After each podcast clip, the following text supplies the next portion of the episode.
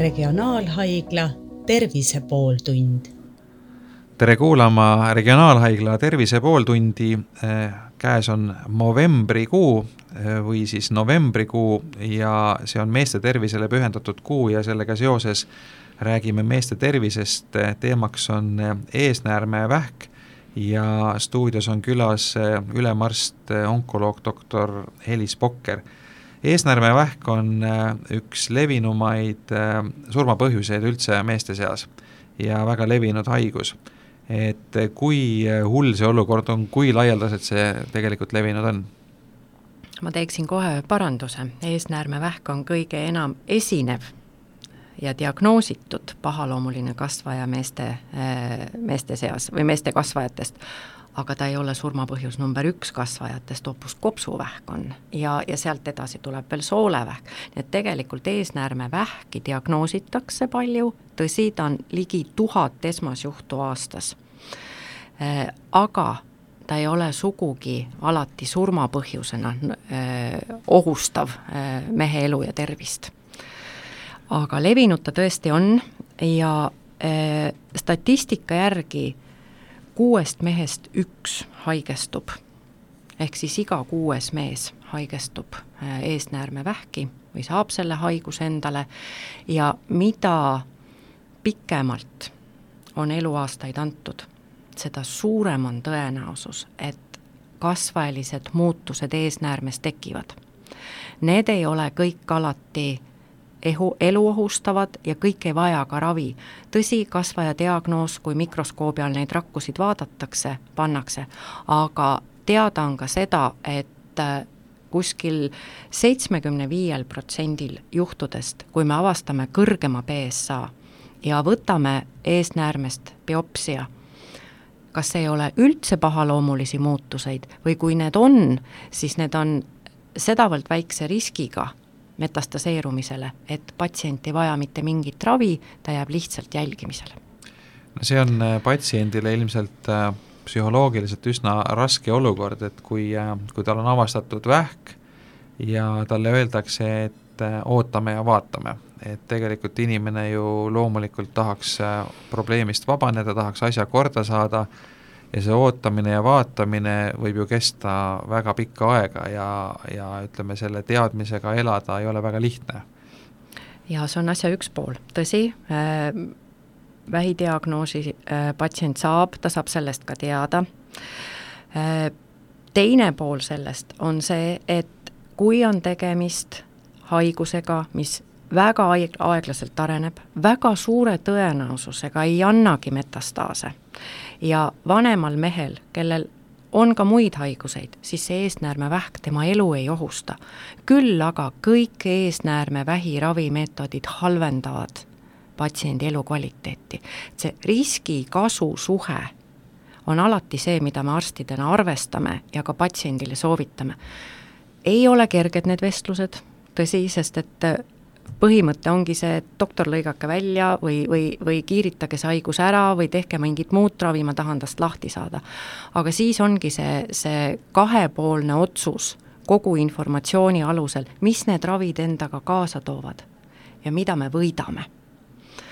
et kogu maailm liigub praegu ka vähiravis sinna suunda, et ära kahjusta, kui see on vähegi võimalik et arvestades elukvaliteeti, elukvaliteet on väga-väga oluline äh, faktor kogu selle vähiravi sees.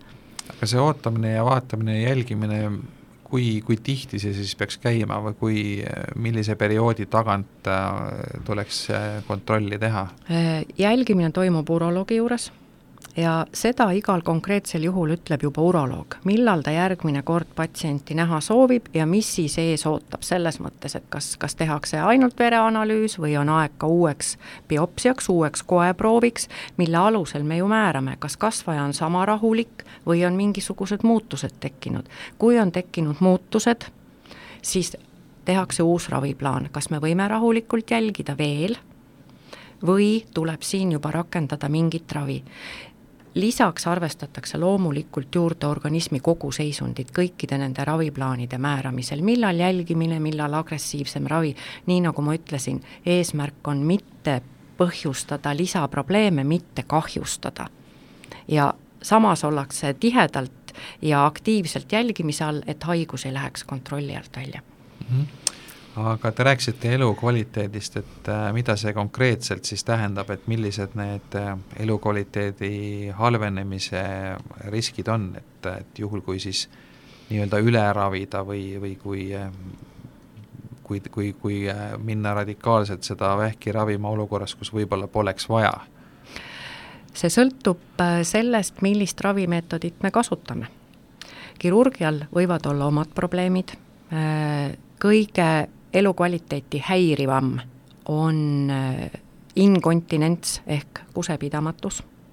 see sõltub jällegi patsiendist, kui hästi pärast nii-öelda uriini pidamine uuesti paika saadakse, mõnel ei saadagi. Äh, see on üks riskitegur kogu aeg, teisalt äh, saab häiritud seksuaalfunktsioon, kiiritusel on omad äh, probleemid, kui eesnääre asub kusepõie ja pärasoole vahetus läheduses ja kiirgus on ikkagi ruumis ja hajuv, siis paratamatult saavad häiritud nii kusepõielimaskest kui, kui soolelimaskest, põhjustades jällegi omakorda probleeme. ja kui me kasutame hormoonravi, mida me küll harva lokaalse haiguse puhul kasutame, aga kui kirurgia ja kiiritusravi ei ole rakendatavad, siis see on ka variant seda haigust ohjata. siis hormoonravi mõjutab omakorda südame-veresoonkonda.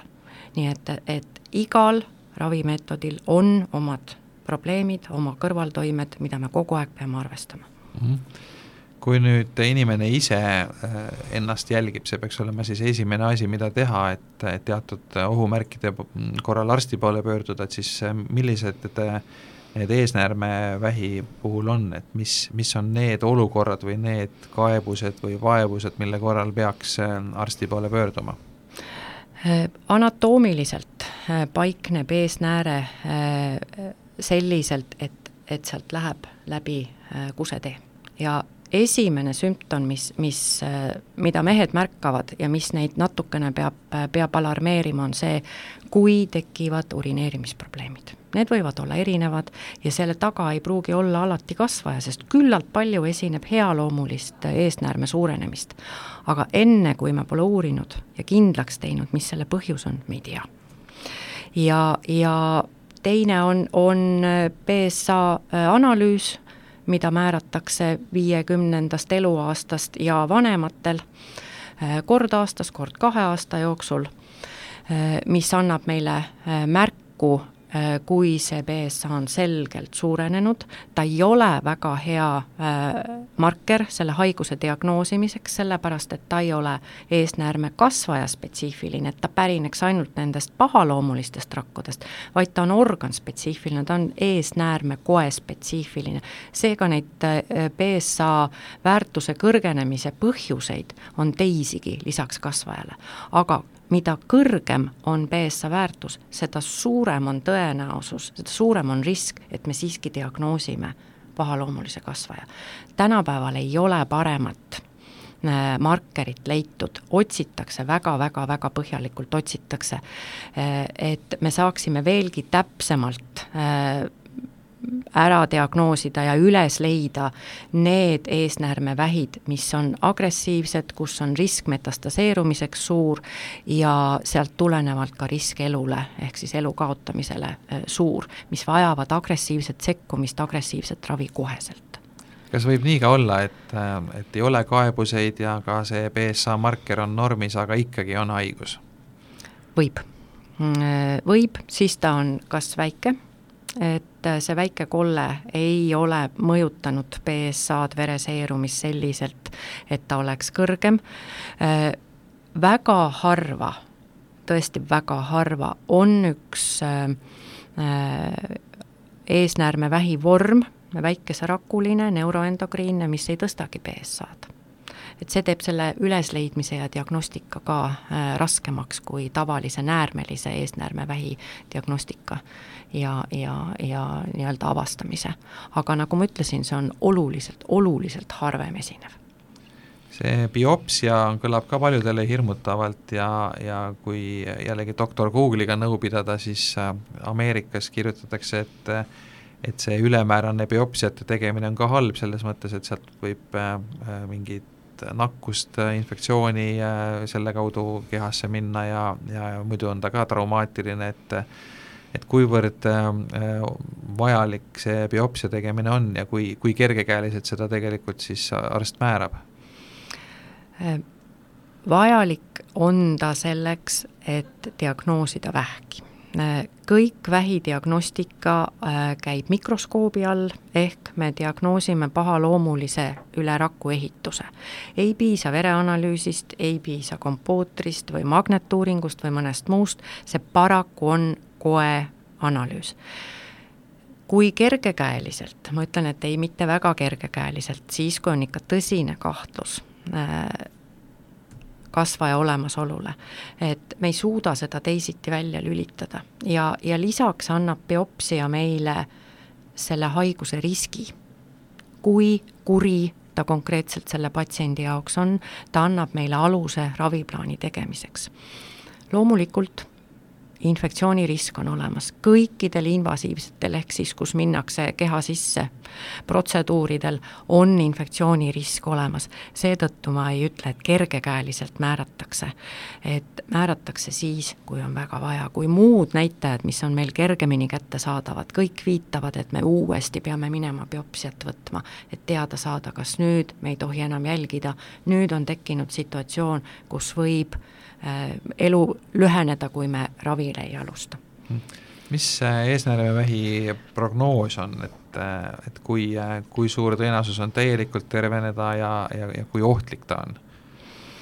Äh, jällegi äh, ma pean tulema nende riskigruppideni ja, ja selle agressiivse ja mitteagressiivse haiguse jutuni, et, et seal nendel kõikidel gruppidel, kas ta on madala riski, keskmise riski või, või kõrge metastaseerumisriskiga haigus, nendel on erinevad äh, tõenäosused terveks saada, erinevad äh, ravimeetodid, nende kombinatsioonid, lisaks sõltub äh, äh, nii-öelda prognoos sellest, kas haigus on ainult organis või on ta levinud lümfisõlmedesse või on andnud juba kaugmetastaasid, peamiselt eesnäärmevähk annab luudesse, harvem organitesse.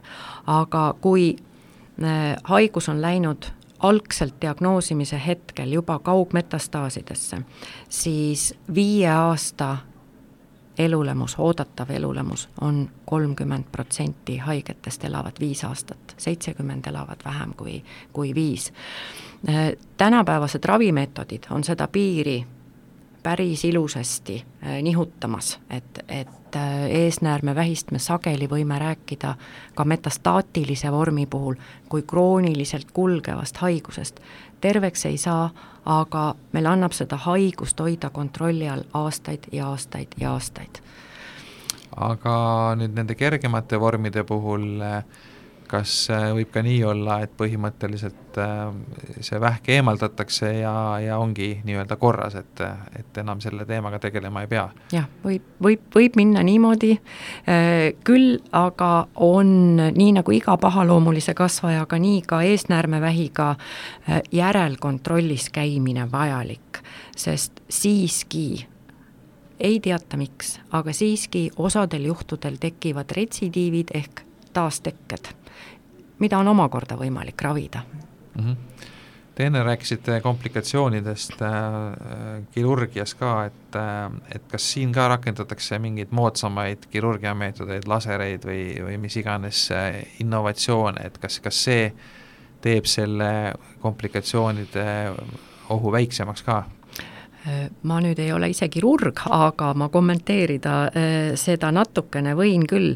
Äh, loomulikult on, on ka eesnäärme äh, kirurgias moodsamaid meetodeid. millise konkreetse meetodi kirurg valib, kas lahtise operatsiooni või laparoskoopilise, mis on rahvakeeli nende oradega, kus on väikesed op-, need avad ainult haigusele ligipääsemiseks, see sõltub konkreetsest juhust. sõltub eesnäärme suurusest, sõltub sellest, kuidas on lümfisõlmedega ja nii edasi ja nii edasi ja nii edasi. mõningatel juhtudel ei ole võimalik seda vähem invasiivset, vähem traumaatilist meetodit kasutada.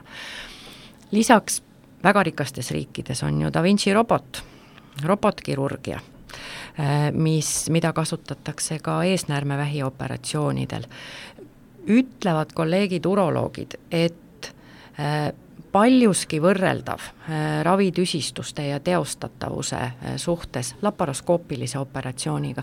võib-olla, et, et ütleme, verekaotuse osas ja, ja, ja sellise kudede separeerimise osas on robot täpsem, aga laias laastus täiesti võrreldav mm. -hmm ma kuskilt äh, nägin statistikat, et äh, vanuses kaheksakümmend ja, ja rohkem on äh, üle pooltel meestest diagnoositud eesnäärmevähk, et see tundub nagu, nagu selline väga selline tume tulevik noorematele meestele, et, et nii, nii suure tõenäosusega on sellesse haigusse risk haigestuda, et, et mis siis teha, et, et, et on see selline nagu vältimatu tulevik umbes poolte meeste jaoks, et, et nad oma elu lõpuaastatel haigestuvad eesnäärmevähki?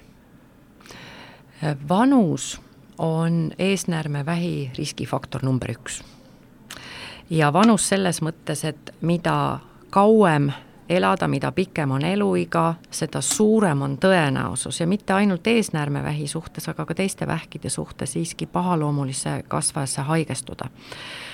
teine pool on siin see, et ega varasemalt aastakümneid tagasi meeste eluiga ei ülat-, ei, ei ulatunudki kaheksakümne ja plussini.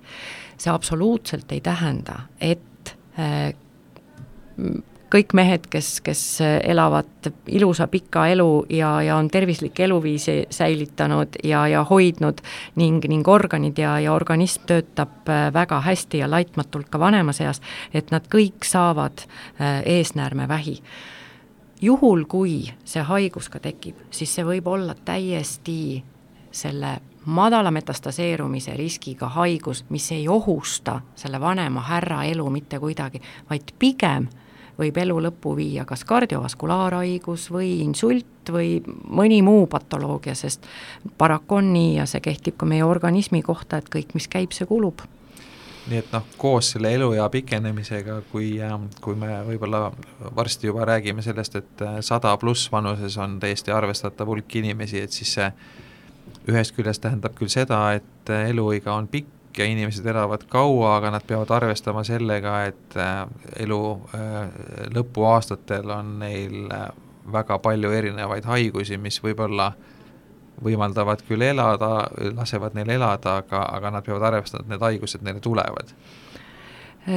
ega garantiid anda ei saa ei ühtepidi ega teistpidi, aga meditsiin õpib ka nendega hakkama saama, nii et, et väga kiiresti praegu kõik areneb ja, ja sellises äh, vanemas eas või, või ka kaugele läinud haigusega, kus ei ole väga äh, üheselt selge, mismoodi oleks kõige parem seda patsienti aidata, et mitte talle kahju tekitada lisaks veel või mitte talle lisaprobleeme tekitada, siis väga-väga hoolikalt kaalutakse seda kasu-kahju vahekorda, millist ravi rakendada, millist mitte. et äh, see on, on paraku äh, riskifaktor eesnäärmel number üks, see vanus, ja sellega natukene arvestama peab. aga ei ole põhjust nüüd vanematel härrasmeestel hirmu tunda, et, et mul saabub kaheksakümnes sünnipäev ja, ja mis nüüd, et et kas ma olen selle viiekümne protsendi hulgas või, või, või mis must edasi saab, sest et on ka teised riskifaktorid veel juures ja, ja ka gene-, geneetika mängib selle haiguse puhul oma rolli selle pagasiga, mis me siia, siia ilma tuleme. et äh, hirm on elus üldse üks halb kaaslane, minu meelest tuleb võtta niimoodi, et äh, päev korraga ja sellest päevast maksimum. Kas on äh, häid geeniteste ka, mis võimaldavad seda eesnäärmevähi riski ette ennustada? Neid otsitakse. Otsitakse selles mõttes, et, et viiteid on, palju on, aga sellist, mis ütleks meile täna, et jah, see on see, mida me peame väga-väga jälgima ja, ja kõik annavad oma geeniproovid ja, ja me suudamegi selekteerida välja, selleni me täna jõudnud ei ole, aga me väga kiiresti liigume sinna suunda ka geneetika ja geenitestide ja molekulaargeneetika ja kõikide analüüsidega, et me saame neid riske juba enne haigust teada siin on kohe teine faktor ka, mis me nende riskiteadmistega siis teha saame ja tegema peame eh, ja, ja kuidas me edasi elame selle teadmisega, et tegelikult see on terve kompleks. aga tõsi, teadus liigub väga-väga kiiresti praegu sinna suunda, et me juba enne suudaksime ja suudame öelda, mis meid ohustab kordame lõpetuseks üle ka siis selle, mida mehed ise saavad teha enda heaks ehk et äh, millal äh, kindlasti tuleks pöörduda arsti poole, et välistada eesnäärmevähi risk või siis saada asi õigel ajal kontrolli alla? ma ütleks niimoodi, et ärge ravige ennast ise. et äh, see on ka üks asi, mida me üsna sageli näeme ja kuuleme, et tegelikult mehed teavad, et neil on probleeme, eesnäärmevähist räägitakse ju tegelikult palju, ma usun, et valdav enamus meestest teab ka neid sümptomeid, mis võivad viitada, peamiselt on kusemishäired. ja siis võetakse appi lihtsamad vahendid, ehk siis käsimüügist prostamuluuno või mõni muu preparaat või soovitab naabrimees või sugulane midagi ja ei pöörduta. et äh, hingerahu on maailmas kõige kallim asi. et kui ikkagi on mure, esimene test viiskümmend pluss vanuses on BSA ja sealt juba saab edasi vaadata, kas on vaja lisauuringuid või ei olegi vaja, võetakse järgmine test aasta-kahe pärast, perearstidel on väga ilusasti äh, uroloogide poolt koostatud juhised olemas, kuidas nad oma nimistu meespatsientidega peaksid äh, toimetama ja neid ka eesnäärmevähi äh, suhtes jälgima. et pidage oma perearstiga nõu ja te leiate parima lahenduse kas see viiskümmend äh, vanusepiir on adekvaatne või peaks nooremad mehed ka siiski seda aeg-ajalt kontrollima? Äh, neljakümnendates on eesnäärmevähk haruarv. ma ei ütle, et olematu, aga haruarv, et äh, ei soovitata PSA testi äh, alla viiekümne aasta vanustele, kui ei ole selget geneetilist äh, riski, ehk siis kas isal, vanaisal, onudel on eesnäärmevähk olnud, siis vajaks küll mees natukene teravamat tähelepanu ka nooremas eas. mida äh, soovitatakse, on äh, neljakümnendates teha baas BSA, mitte selline regulaarne, vaid baas BSA, mida hiljem järgnevate analüüside tegemise järgselt väärtuses võrrelda mm. -hmm suur tänu, äh, meiega vestles äh, onkoloog, äh, regionaalhaigla ülemarst doktor Helis Pokker ja teda küsitles Ando Sinisalu, aitäh kuulamast! regionaalhaigla Tervise pooltund